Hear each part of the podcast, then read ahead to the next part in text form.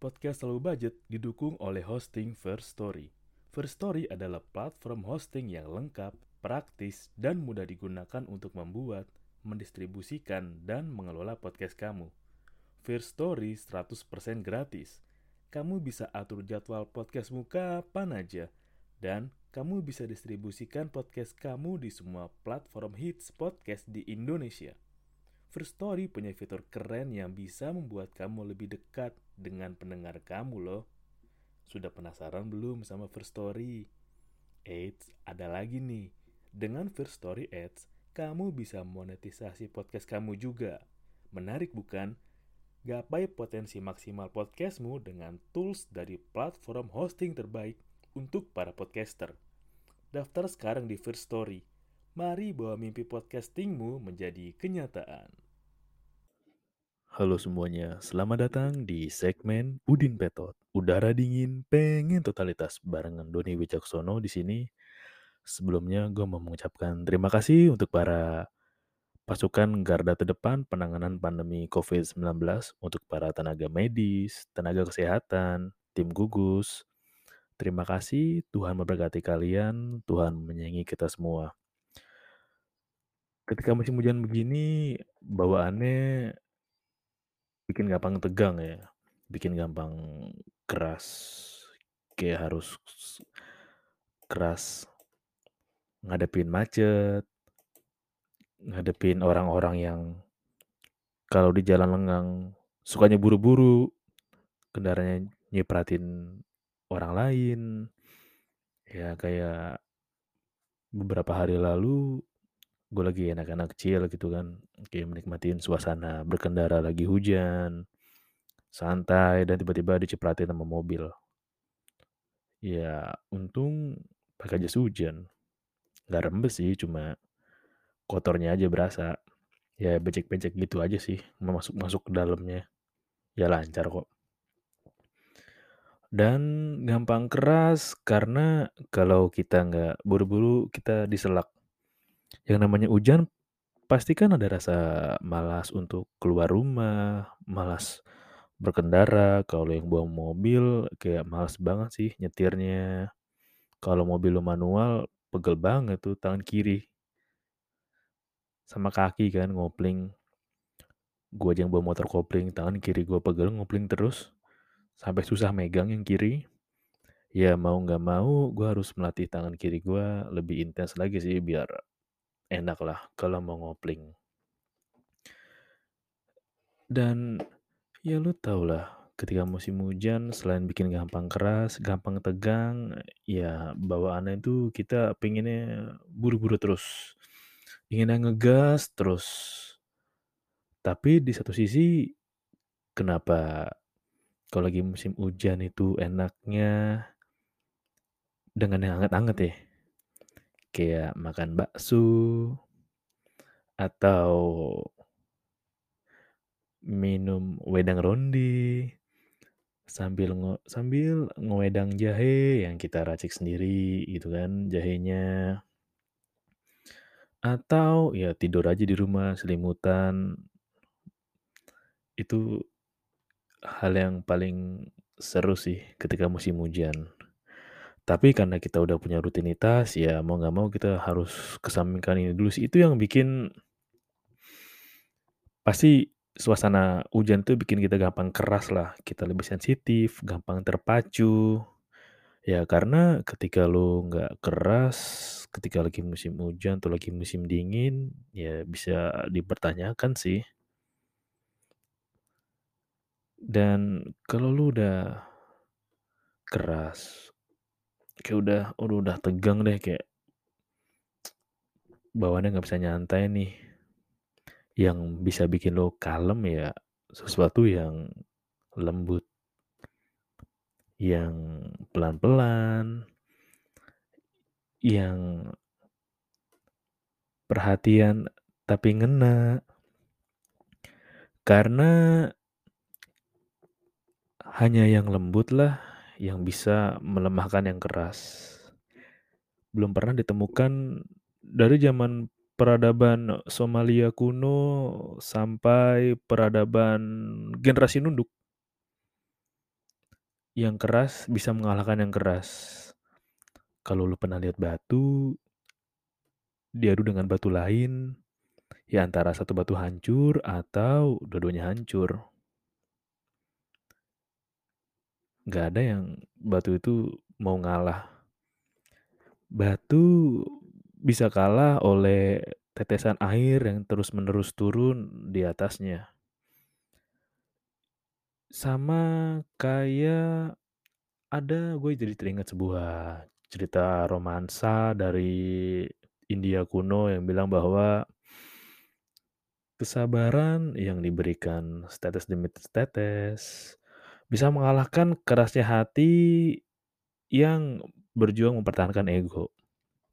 Atau di balik kerasnya penampilan seseorang, sesungguhnya dia yang paling membutuhkan perhatian. Itu sih kata peribahasa India kuno ya. India kuno campuran dengan Kongo. Ya, kalau belum tahu Kongo itu satu negara di Afrika ya, Kongo. Dan emang sih, yang keras itu bakal tunduk juga sama yang lembut. Ya kalau lo celup Oreo ke dalam susu juga tuh Oreo yang tadinya keras bakal jadi lembek juga kan. Bakal ya berubah bentuk, bakal jadi lembek dan kalau lo aduk kelamaan ya nyatu juga sama susunya. Atau yang paling sering kalau mau contoh, contoh nyata ketika benda yang keras diberikan benda yang lembut. Ya lu bisa buktiin lah lo makan kerupuk, lu celupin pasti lu kalau makan kerupuk sambil makan mie itu enak banget deh kayak nyelupin kerupuknya ke mie gitu sambil ke kuahnya kuahnya mie terus buat dimakan. Beh. Itu kerupuk yang tadinya lo gigitin berisik. Jadi lembut banget tuh setelah dicelupin ke kuah. Asli. Atau ketika lo lagi makan pecel, lo tau kerupuk kuning ya kan? Nah, itu kerupuk kuning dicocol ke sambal kacang, enak banget sih. Kayak tadinya keras-keras kaku gitu, dicocol-cocol dikit aja, kepalanya aja yang cocol ke sambal kacang. Bah, udah. Enak banget. Ya, yang paling enak salah satunya ya ketika lagi musim hujan tuh makan pecel ya. Pecel yang keliling gitu, pecel gendong. Itu seru banget sih kayak masih handmade dan masih original tersentuh tangan mbak-mbak penjualnya. Nah, balik lagi ke bagaimana yang lembut bisa melemahkan yang keras. Kayak bagaimana perhatian demi perhatian bisa meluluhkan hati dari seseorang. Ketika lo ingin menggebet seseorang atau lo pengen dekat seseorang, yang bisa lo lakukan ya adalah memberikan perhatian-perhatian kecil. Apalagi ketika lo berusaha menggebet seseorang yang jutek, yang yang keras, yang yang kata orang sih ya sombong gitu ya adalah ada kan yang cewek-cewek, wih jangan deketin dia nih, dia jutek nih, dianya sombong. Oh dianya susah deket, dideketin deh. Ibarat kata tuh cewek yang mau lo deketin kayak batu.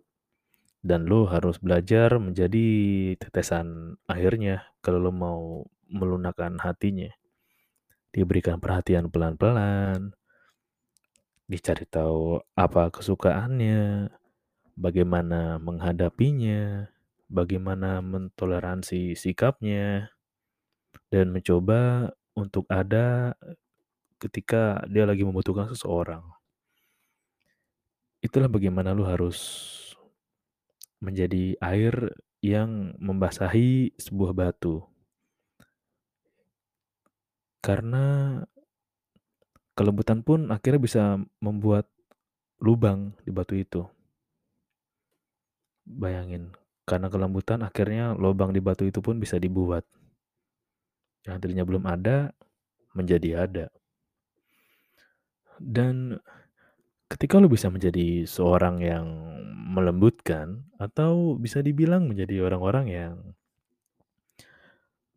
menjadi tetesan air untuk mendamaikan,